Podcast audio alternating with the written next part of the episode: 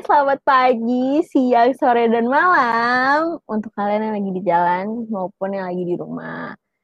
Balik lagi sama gue, El di podcast Telur Rebus, yang pasti akan menemani kalian dan tentu saja dengan partner setia gue, yaitu...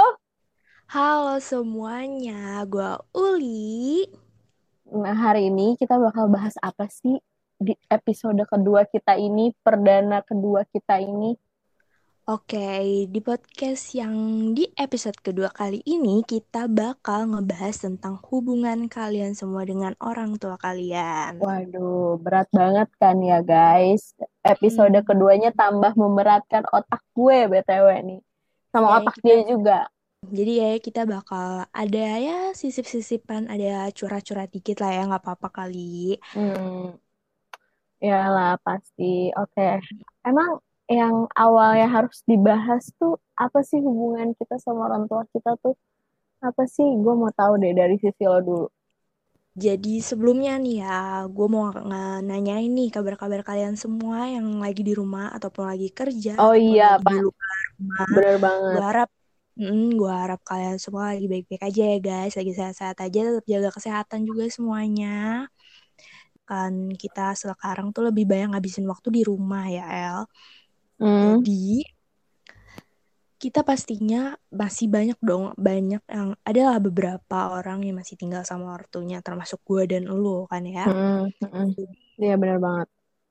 Hmm. Pastinya yang namanya kita tuh biasanya sebelum pandemi ini kan kita udah uh, banyak kegiatan di luar rumah yang pastinya kita tuh jarang lah istilahnya yang namanya seharian ketemu sama ortu kita kecuali di hari libur ya kan. Mm-hmm. Uh, nah sekarang ini nih di pandemi ini kita tuh malah jadi sering maupun kita lagi sekolah maupun kita lagi kerja yang lagi WFH gitu kan kalau lagi di rumah pasti ketemu sama ortu kita lagi lagi pasti lagi kalau misalnya ada masalah ataupun ada apa pasti sekarang tuh lebih banyak ngobrolnya sama ortu gak sih? Hmm ya sih ya pastilah. Mm-mm. Cuman Kenapa tuh? gue tuh karena emang udah terlalu sering di rumah, kadang gue tuh ke mana-mana uh, malah jadi sering diintilin sama ortu gue. Yang As ngerasa, yang ngerasa tuh malah sekarang tuh gue ngerasanya sekarang gue tuh ya lebih kayak kurang bebas aja gitu. Atau mungkin okay. kalau menurut lo gimana? Kalau menurut ya mungkin karena lagi pandemi gak sih, apalagi kan beberapa uh, bulan sekarang kan juga kasus COVID lagi naik-naiknya nih meskipun udah udah mulai menurun terus juga PPKM. Jadi menurut gue orang tua lo uh, ini kali ya agak khawatir juga sama anaknya. BTW lo itu anak keberapa dari bersaudara? Jadi gue tuh anak ketiga dari empat bersaudara. Jadi gue nah. tuh ada adik. Mm -mm. Nah sedangkan lo? Gue anak tunggal lo harus tahu cerita anak tunggal dengan orang tua tuh gimana. Oke. Okay. Jadi nih uh, dengan L yang anak tunggal dan gua dari empat bersaudara nih alias gue tuh anak tengah pasti hmm. adalah beberapa keperbedaan uh, hubungan kita tuh dengan orang tua tuh kayak gimana yeah. sih maksudnya hmm. dari cara ngedidik yang entah kayak gimana dari cara hmm kita gimana entah itu debat atau apa atau mungkin yang namanya dari uang jajan. Kalau misalnya anak tunggal kita kan biasanya nggak dibagi-bagi ya. Kalau gue hmm. kan hmm, pasti ada perhitungannya ya. Kalau misalnya kayak kakak tuh kan biasanya uh, ini kan kakak lagi sibuk nih apa hmm. gitu kan pasti uang jajan dilebihin. Sedangkan ade tuh kan uh, ya dicukupin aja. Atau sebaliknya entah gue nggak tahu kayak gimana. Setiap orang kan beda-beda ya. Hmm. nah dari lo tuh kayak gimana? Kalau dari pihak gue justru yang buat di luar sana yang anak tunggal, hey brother, kita sama atau nggak sister kita sama. Jadi tuh kalau di di anak tunggal kalau karena gue tuh nggak ada sistem per bulan karena kan biasanya soalnya temen gue yang anak tunggal pun dia sistem jajannya per bulan guys. Jadi per bulan itu dikasih berapa atau seminggu dikasih berapa. Nah kalau sistem gue tuh per hari. Dulu ya pas waktu zaman zaman sekolah terus zaman zaman gue masih ngampus uh, secara offline itu semuanya per hari. Dan itu juga nggak banyak banyak banget gitu loh. Jadi jadi ya kadang tuh ju jujur dulu gue dari dulu SD sampai SMA sampai kuliah gue cuma naik uang jajan goceng. Mau gue ceritain kenapa gue bisa naik cuman goceng goceng goceng goceng? Sangat impresif sekali ya. Jadi SD itu gue dulu dulu gue SD tuh dia jajannya goceng. Naiklah gue SMP SMP gue jajan nambah goceng jadi sepuluh ribu. Akhirnya naiklah gue SMA lima lima ribu lagi. Itu lima belas. Dan akhirnya nyampe lah gue di kuliahan. Awal semester gue dikasih dua puluh ribu. Tapi ternyata nggak cukup guys. Grab gojek mahal ya wa apalagi eh sorry nih kita nyebut brand karena nggak apa ini masih ya, wajar. itu udah nggak apa. nggak sih? Udah umum Iya. banget dipakai di mana gitu. Iya apalagi kan kurangnya diskon dari grab dan gojek membuat gue nggak bisa makan di kampus dong. Ya kan makanya agak dinaikin sepuluh ribu jadi tiga puluh ribu gue jajan tuh. Kalau gue jajan gitu gue sistemnya kayak gitu tapi kalau sistem kayak gitu sebenarnya agak-agak kurang kalau di gue nggak bisa kepake karena itu pasti kalau gue nggak hemat per hari itu pasti cepet habis sih nggak bisa nabung. Jujur gue anaknya tuh boros lah apalagi di makanan. Seblak I love you so much deh pokoknya.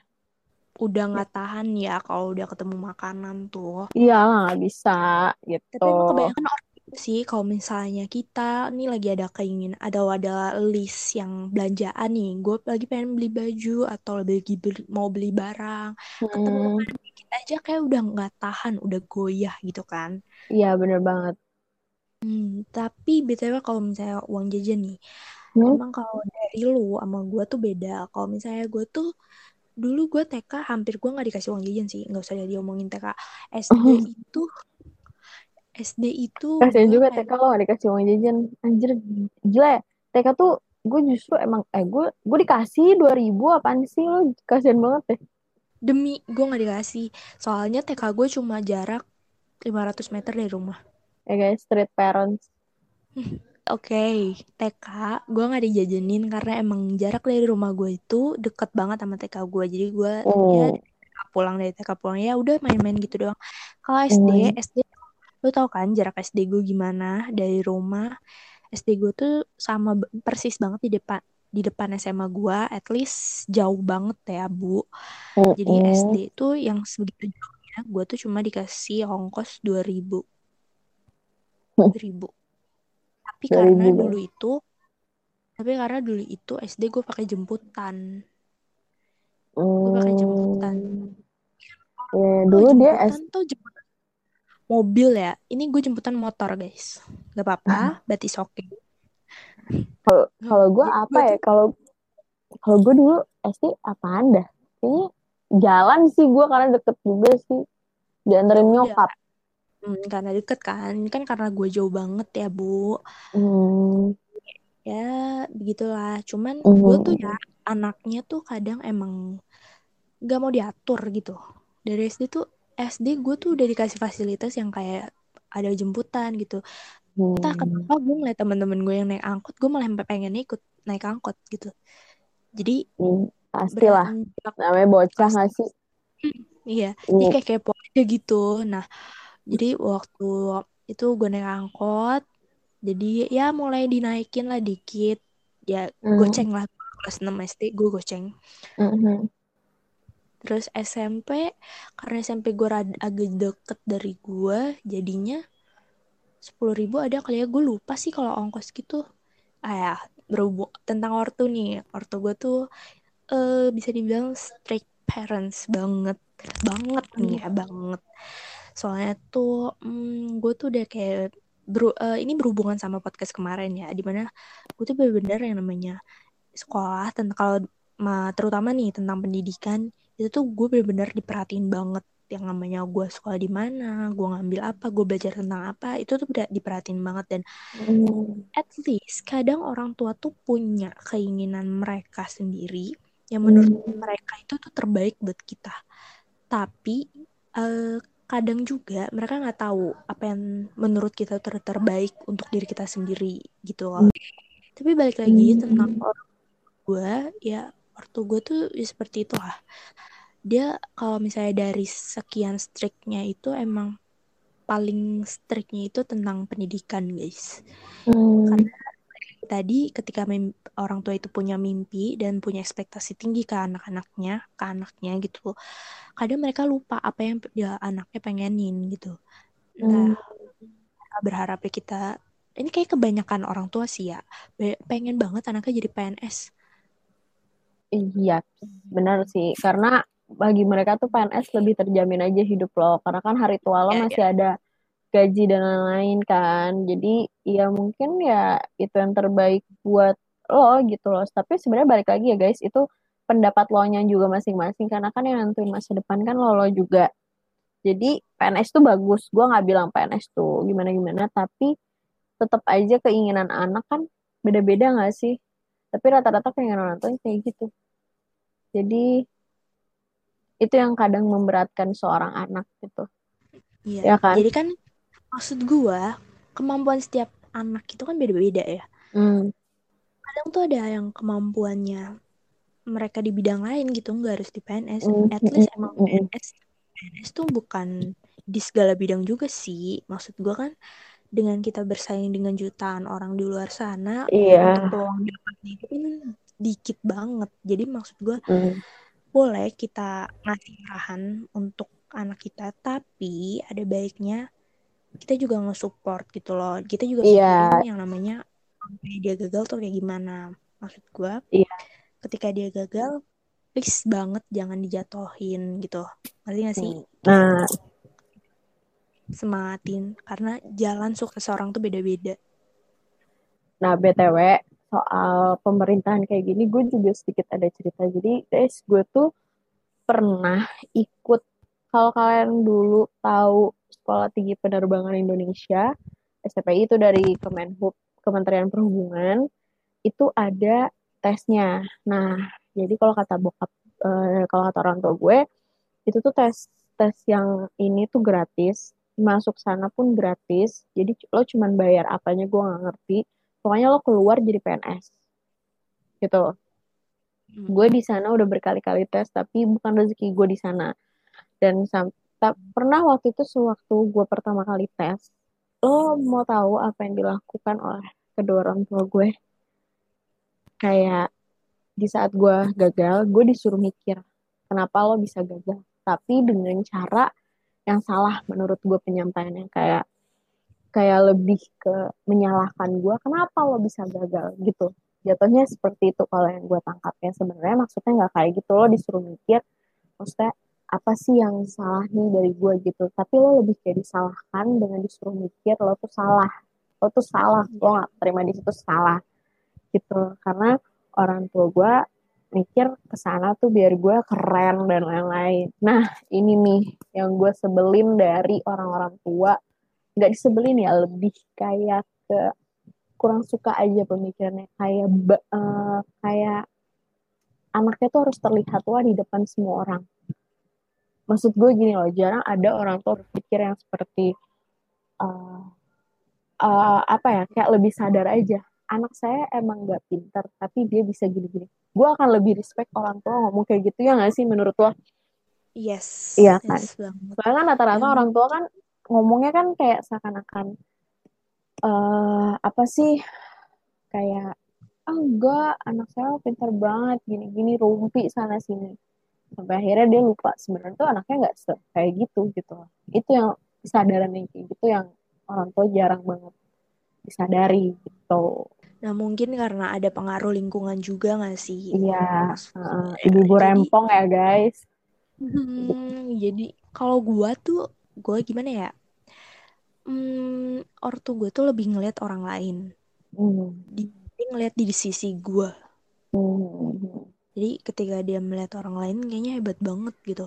Tapi ngeliat hmm. anaknya tuh kadang kayak kok gini sih gitu loh. Jadi memang kadang tuh orang tua nggak bisa kita sepenuhnya kita salahin gitu kan. Mm-hmm. Ada beberapa faktor, ada beberapa faktor kenapa mereka begitu kepada kita gitu kan. Mm-hmm. Kita juga harus ya bisa lah ngargain. Tapi kadang mm-hmm. orang tua juga lupa bagaimana cara menghargai anaknya. Yes, betul sekali teman-teman. Mm-hmm. Um, mereka tuh terlalu memikirkan. Gue tidak menghakimi ya dari kata-kata gue. Maaf banget nih kalau misal ada yang tersinggung. Mereka tuh terlalu menghakimi atas keegoisannya mereka jadi yang mereka pikir tuh karena mereka udah tenggelam dalam asam pahit hidupnya mereka, jadi mereka menyamakan hidup mereka dengan kita. Sebenarnya orang tua harus kayak gitu. Menurut gue tuh kalau dari sisi gue lo boleh um, apa ya cerita soal pahit hidup asam garam dan manisnya kehidupan kalian tapi kalian juga harus lihat kondisi sekarang gak sih kondisi sekarang kondisi zaman dulu kan beda banget ya Wak. Kalau beda banget. Beda banget kan. Nah rata-rata tuh justru ya kita anak zaman sekarang gitu ya, bukan anak zaman dulu gitu. Kalau kalau kalau bisa dibilang gitu ya. Kalian boleh naruh naruh apa yang ada di zaman dulu di zaman kita. Tapi balik lagi dengan cara sesuai di tahun sekarang, bukan di tahun yang lalu. Karena semakin lo taruh yang tahun lalu di tahun sekarang, itu malah bikin anak jadi keras kepala gak sih? Jadi batu banget ya gak sih? Iya. Banyak apa... kesalahan yang mereka buat yang seharusnya nggak mereka lakuin gitu. Iya. Jadi kadang tuh uh, uh, orang tua tuh nggak mau kita tuh ngebantah, orang tua tuh nggak mau yang namanya kita bebas segala macem. Tapi ketika mereka tuh tumbuh rasa takut di diri mereka, tumbuh rasa takut mereka itu tumbuhlah rasa posesif mereka kepada anaknya, protektif mereka kepada anaknya. Yang kadang itu tuh berlebihan sehingga kadang mereka lupa sifat yang seperti itulah yang membuat anak tuh malah ngerasa terbatas yang akhirnya tuh mereka melewati batas gitu. Ngerti hmm. gak sih? Hmm. Yeah. Harusnya mereka cuma sampai A, mereka bisa sampai A, B, C, D, E, F, G. Jadi yeah, kita iya, nggak yeah, punya privacy sama sekali. Mm-hmm. And yes, that's me. Ya itu terjadi di dia. Kalau terjadi di gue sih nggak nggak yang banget banget. Cuman ya balik lagi gitu. Sebenarnya gue sama gue sama Uli ini Uli itu sama banget. Orang tuanya sama-sama split parents, apalagi gue tunggal lo, karena ngerti lah tunggal split parents hmm. parah banget. Gue aja pacaran aja di belakang guys. Backstreet bertahun-tahun sama orang. Dan itu capek banget. Jujur capek banget. Apalagi hmm. kadang gue pernah kayak lo gue tuh sampai harus ngebohongin terus. Kayak capek gak sih lo? Jujur ya gue capek ngebohong. Gue baru kali ini kayak ngerasa kayak udah sebenarnya kita nggak mau ngebohong gitu. Enggak jatuhnya tuh kayak gue tuh capek ngebohong karena menurut gue umur segini tuh udah nggak perlu lagi sebenarnya ngebohongin hal-hal kayak gitu. Itu bocah banget gitu loh. Kalau zaman kemarin gue SMA ya masih boleh lah. Ini gue udah kuliah udah ini. Aku masih bisa bisanya gue uh, ngebohongin kayak gini gitu loh ngerti gak kayak gitu loh. Kayak gue bocah banget ngebohong hal-hal kayak gini. Takutnya gue akan semakin gue dewasa semakin parah nanti. Itu yang gue takutin sebenarnya iya jadi kadang sebenarnya hal seperti itu harus kita bicarain dengan orang tua kita yes, gitu. Benar. Cuman kadang mungkin ketika kita sudah membicarakan memang ada beberapa orang tua yang bersa yang nyadar lah. Tapi ada juga yang beberapa oh enggak gitu. Kayak ya selalu ya masih masih bisa masih berteguh lah dengan pendirian mereka sendiri yeah. yang menurut kita mereka tuh ya, nganggap ya, itu terbaik gitu. Jadi ya memang banyak faktor yang harus kita pikirkan gitu. Mm, jadi tapi kadang mereka lupa juga dari sisi kita tuh seperti apa gitu. Hmm. Itu sih sebenarnya. Tapi jujur komunikasi sih penting ya teman-teman. Kalau kalian pengen ngomong, maksudnya kalau kalian pengen apa tuh justru komunikasi yang baik gitu. Cuman kalau gue, kalau gue punya prinsip jujur kalau gue uh, komun, gue tuh pengen banget komunikasi, tapi uh, gue pengen mereka menyampaikan sesuai yang gue harapkan lo paham gak sih yeah, iya. kayak yeah. contohnya aku udah punya pacar gue pengen mereka ngomong seperti oh ya udah selama tidak melampaui batas silahkan asli gue nggak akan yang namanya begajulan di belakang dan lain-lain. Itu lebih baik gak sih? Atau nggak iya. contoh contoh satu lagi jadwal jadwal malam gue kasih gue jadwal malam yang pasti. Jangan setiap soalnya gini oh gue tuh uh, apa ya kalau di kalau di orang tua gue tuh orang tua gue justru baik baik banget. Mereka tuh apa ya mereka tuh eh, nggak uh, mau gue balik malam dan gue juga nggak nggak suka balik malam. Tapi kadang tuh kalau udah ada yang nyaman tempatnya gue suka lupa waktu aja gitu. Apalagi terutama bokap gue bokap gue tuh gaul banget. Maksudnya selama lo ngikutin peraturan dia ya udah. Cuman gue nggak punya waktu yang pasti nih kapan gue harus nyampe di rumah. Kadang bisa berganti-ganti. Hari ini gue boleh balik jam segini tapi besok gue maghrib aja udah harus nyampe rumah. Gitu loh ngerti gak Iya, jadi bikin bingung gak sih lo kadangnya kan gue udah berusaha balik sebelumnya lo mau tapi sekarang kenapa lo ngomong kayak gitu? Itu sih yang bikin gue masih kayak eh tolong lah lo kasih aja yang pasti gitu biar gue bisa lakuin hal itu dengan benar. Gitu sih. Itu sih harus komunikasi juga ya. Maksudnya Mhm. lo ngomong nih mending pak bu atau bun papi atau gimana terserah lu. Nih eh El mau ngomong kayak gini gini gini gitu kan. Maksudnya kalau misalnya nanti mungkin kalau sekarang mm, belum pasti belum pas ya momennya. Karena kan kita dibatasin nggak boleh keluar rumah nggak boleh ke mana-mana. Diusahakan di- tetap di rumah. Hmm. at least gue tuh sekarang punya masih ada kepentingan di kampus juga yang harus gue eh, apa harus gue selesaiin gitu kan tapi kadang tuh itu juga masih dibatasin gitu Hmm, jujur iya. gue kangen banget di mana masa-masa sebelum pandemi itu di mana gue masih ngekos di mana gue tuh masih naik KRL gak apa-apa dah gue dulu empet-empetan di KRL juga nggak usah nggak usah sepi juga yang penting gue bisa naik KRL dengan tenang gitu loh gitu. Sekarang tuh selama pandemi, gue ke mana-mana tuh harus diantar sama ortu gue karena mereka bener-bener gak ngizinin gue naik kereta.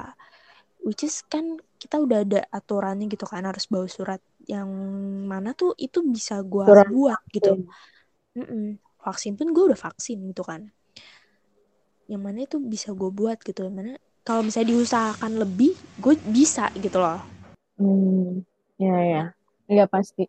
Benar. Tapi karena itu lagi balik lagi mereka yang terlalu khawatir, mereka yang terlalu takut, mereka yang terlalu was-was, yang mana eh, kita tuh ada dikasih jalan alternatif seperti itu tuh mereka lebih memilih untuk no, big no banget yang namanya benar-benar menghindari tempat-tempat kerumunan yang seperti itu gitu. Hmm.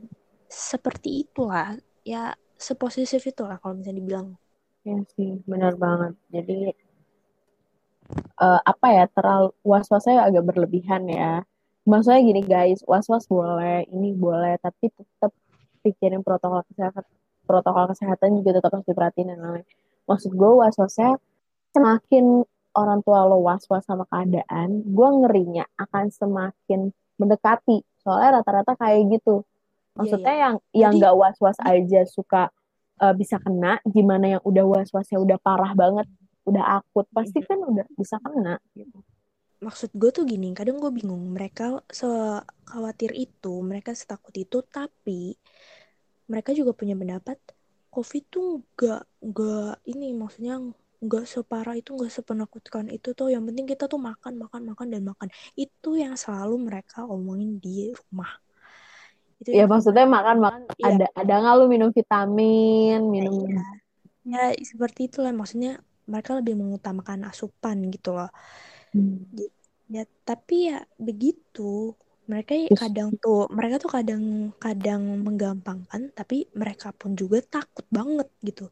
Hmm. Bikin gue bingung gitu. Jadi sebenarnya maunya gimana gitu? Ya nggak sih? Mau emang was-was atau mau emang menggampangkan? Ya, was-was banget, tapi kalau di giliran disuruh swab nggak mau, di, giliran giliran disuruh swab eh, vaksin juga nggak mau. Oke. Guys, tetap ya kalian harus vaksin atau enggak kalau udah ada gejala awal eh, udah ngerasa mau sakit nih mendingan istirahat di rumah.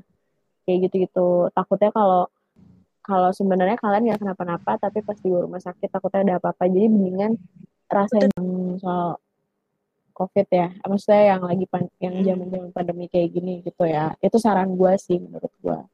Sisanya balik lagi ke kalian. Oh ya balik lagi juga eh, yang apa kita omongin di sini tetap balik lagi ke diri kalian masing-masing gitu loh. Ambil positifnya aja dan jangan terlalu mikirin yang negatifnya. Orang tua kita berdua ini baik dengan punya maksud dan tujuan yang ya guys kalian harus divaksin apa pun yang terjadi karena sekarang tempat umum tuh rata-rata maunya punya surat vaksin gitu. Apalagi mall sekarang udah mau me- apa udah mau buka kan itu dia harus lewat surat vaksinnya kan gue nggak tahu tuh. Ada beritanya gua- guys ya. Pokoknya Oke. ada ada itu. Dia harus tetap pakai up to date. Ya, harus harus ya kalian juga harus follow up lambe turah follow. Pokoknya harus pakai kartu vaksin juga. Jadi yang belum vaksin ayo vaksin segera. Yang pertama karena bentar lagi kan ada yang kedua. Malahan bentar lagi ada yang ketiga. Jadi ayo semangat vaksin. Intinya intinya di masa-masa sekarang ini yang paling penting tuh kalian tetap positive thinking. Benar-benar ya namanya overthinking overthinking dikurangin dulu guys. Eh, gini Misalnya, balik lagi yang berlebihan itu tidak baik. Sesuai kalau misal- porsinya. sesuai porsinya. Kalau misalnya kalian udah ngetahan banget yang namanya overthinking bla bla bla dengerin podcast kita. Nah itu lebih baik sambil makan telur. Telur kalau rebus. suka telur apa-apa. Yang lain aja. Telur balado. Yang penting dengerinnya podcast telur rebus. Yes iya dong pastinya. Oke gimana nih? Kita- udah. ambil kesimpulan aja langsung ya ya dari lo aja yang mengambil kesimpulan. Aduh, jujur bingung ya. Gue lebih bingung Wak. Jadi yang pertama penting. Yang namanya komunikasi itu penting banget guys. Yes, dalam benar sekali. hubungan. entah itu dengan Oh. orang tua kita ataupun saudara kita ataupun pacar kita ataupun teman-teman kita yang lain yang namanya Yes. komunikasi itu penting banget untuk menghindari yang namanya salah paham untuk menghindari yang namanya negative thinking antar orang tuh yang namanya eh, kita maunya apa tapi orang tua kita tuh nggak tahu apa yang kita pengenin mereka pasti punya pikiran-pikiran yang lain gitu. Yap. apalagi kalau misalnya ortu gue tuh nettingan banget gampang banget yang Mm-mm. namanya nettingan. Pasti udah eh, ada trust issue banget lah istilahnya. Pasti kalau ada ada apa nih maksudnya gue cerita tentang temen gue gue merokok pasti pikirnya udah ke mana-mana mereka gitu kan dikiranya gue takut ngerokok ikutan ngerokok atau apa kan. Nah yang namanya komunikasi tuh penting banget enggak man makanya eh mereka ngerokok kadang tuh mereka ngelindungin aku kayak gini-gini gitu kan. Btw gue tuh gue kuliah di jurusan teknik which is emang ya banyak banget cowoknya. Jadi yang namanya komunikasi tetap harus penting maksudnya bilang sama siapa gini-gini gitu kan biar ortu kalian tuh tahu gitu kondisi kita tuh kayak gimana saat kita lagi nggak di rumah gitu. Terus apalagi ya? Yang kedua eh, saling mengerti anak dan orang tua. Maksudnya yes. eh, mungkin orang tua jarang ada bisa mengerti anak dan anak juga jarang bisa mengerti orang tua. Jadi buat kali buat menurut gue kalian sebagai anak turutin aja apa yang mereka mau. Eh, kalian boleh speak up tapi dengan bahasa yang sopan balik lagi. Dan juga kalian ya udah ngertiin aja orang tua. Segimananya mereka mereka tetap orang tua. Lo balik lagi tadi ke sifat dan perilaku dan suasana dan situasi dari orang tua kalian masing-masing. Cuma jadi hmm, dua kesimpulan itu kalian bisa ambil lah positifnya gimana dan negatifnya gimana. Hmm, gitu. Jadi kan eh, mau nggak mau mungkin cepat atau lambat pun kita bakal jadi orang tua juga sih? Hmm, masa ya. depan juga maksud gue hmm, ada beberapa hal yang mungkin bisa kita ambil. Uh, ada beberapa hal mungkin kita kan dari strict parents ya gak selamanya strict parents itu buruk kok guys hmm. kita punya orang tua yang tegas disiplin atau Ya, bokap gue kocak loh guys Perhatian. btw iya keren nggak selamanya kita tuh wow banget gitu tiap Mm-mm. saat tuh gak betul kadang Ya. tuh ya emang kadang ada momen-momen berharga juga yang Iya. kita ini walaupun Hmm. mereka emang emang seposesif itu tapi men- kalau Hmm. menurut gua ketika lo menjadi orang tua di masa depan nanti lo bakal menjadi orang tua sosok gimana sih El? Kalau gue, mm, jujur gue dari umur segini gue udah mikirin gimana gue cara parenting. Karena gini loh guys, tahun pandemi ini tuh parenting ternyata fokus banget gitu loh. Bener harus harus banget diperhatiin. Karena di saat pandemi gini, untuk gue yang udah umur 20 tahun tuh stresnya tuh ada banget. Apalagi kalau keluar pun di jadwal. Gue tuh kalau keluar ya udah senang banget. Jadi please kalau gue udah di luar tuh gue udah lupa waktu yang lain gitu. Jadi ya gue akan mendidik anak gue seperti teman ya berusaha mungkin gitu soalnya gue kemarin sempat ngobrol sama teman gue April nanti teman-teman ditunggu aja kita nggak akan podcast berdua terus kita pasti bakal ngundang teman-teman kita yang mereka juga pinter-pinter banget oke Yes, kemarin tuh gue banget pastinya. iya bener banget. Kemarin gue sempat cerita sama Aper dan lain-lain ada satu hal yang gue pelajari dari dia itu adalah eh eh, apa ya pahami pahami karakteristik anak. Pahami apa maunya anak. Gitu sih. Paling itu yang yang yang sampai sekarang masih gue pikirin. Jadi anak jadi biar anak lo nggak nggak suka bohong nggak suka ini lebih kayak dipahami aja gitu oh dia kenapa sih ditanya dan lain-lain nggak usah takut dan jangan dimarahi gitu Nah, itu dia yang gue omongin. Mungkin nanti kita bisa ngebahas lebih lanjut lagi di podcast selanjutnya atau di Yes. podcast ke episode keberapa gitu kan. Hmm. Kalau misalnya dari gue ya, gue tuh pengen banget jadi sosok orang tua yang benar-benar menerima anak gue how bad they are, how good they are. Gue Hmm. tahu keburukan mereka seperti apa, gue tahu baiknya mereka seperti apa. Cuman gue tuh pengen menerima mereka seperti apa pun eh apa pun apa pun bentuk mereka istilahnya gitulah. Jadi gue tuh pengen banget jadi orang yang paling tahu tentang karakteristik mereka seperti apa. Gue jadi pengen jadi orang yang paling tahu apa yang paling mereka e- pengenin, apa yang mimpi apa eh, mereka di masa depan atau hal apa yang pengen mereka la- lakukan di masa depan. Nah untuk itu dari segi ekonomis pun gue berusaha banget untuk eh, membuat hidup gue itu baik dulu sebelum gue berumah tangga. Jadi ketika diri gue udah dalam kondisi ekonomisnya baik, gue baru siap untuk untuk eh, nge- eh, apa sih ngebangun rumah tangga, maksudnya ngebangun keluarga gitu. Karena dari sisi ekonomis tuh itu penting banget gak sih? Itu sangat berpengaruh banget.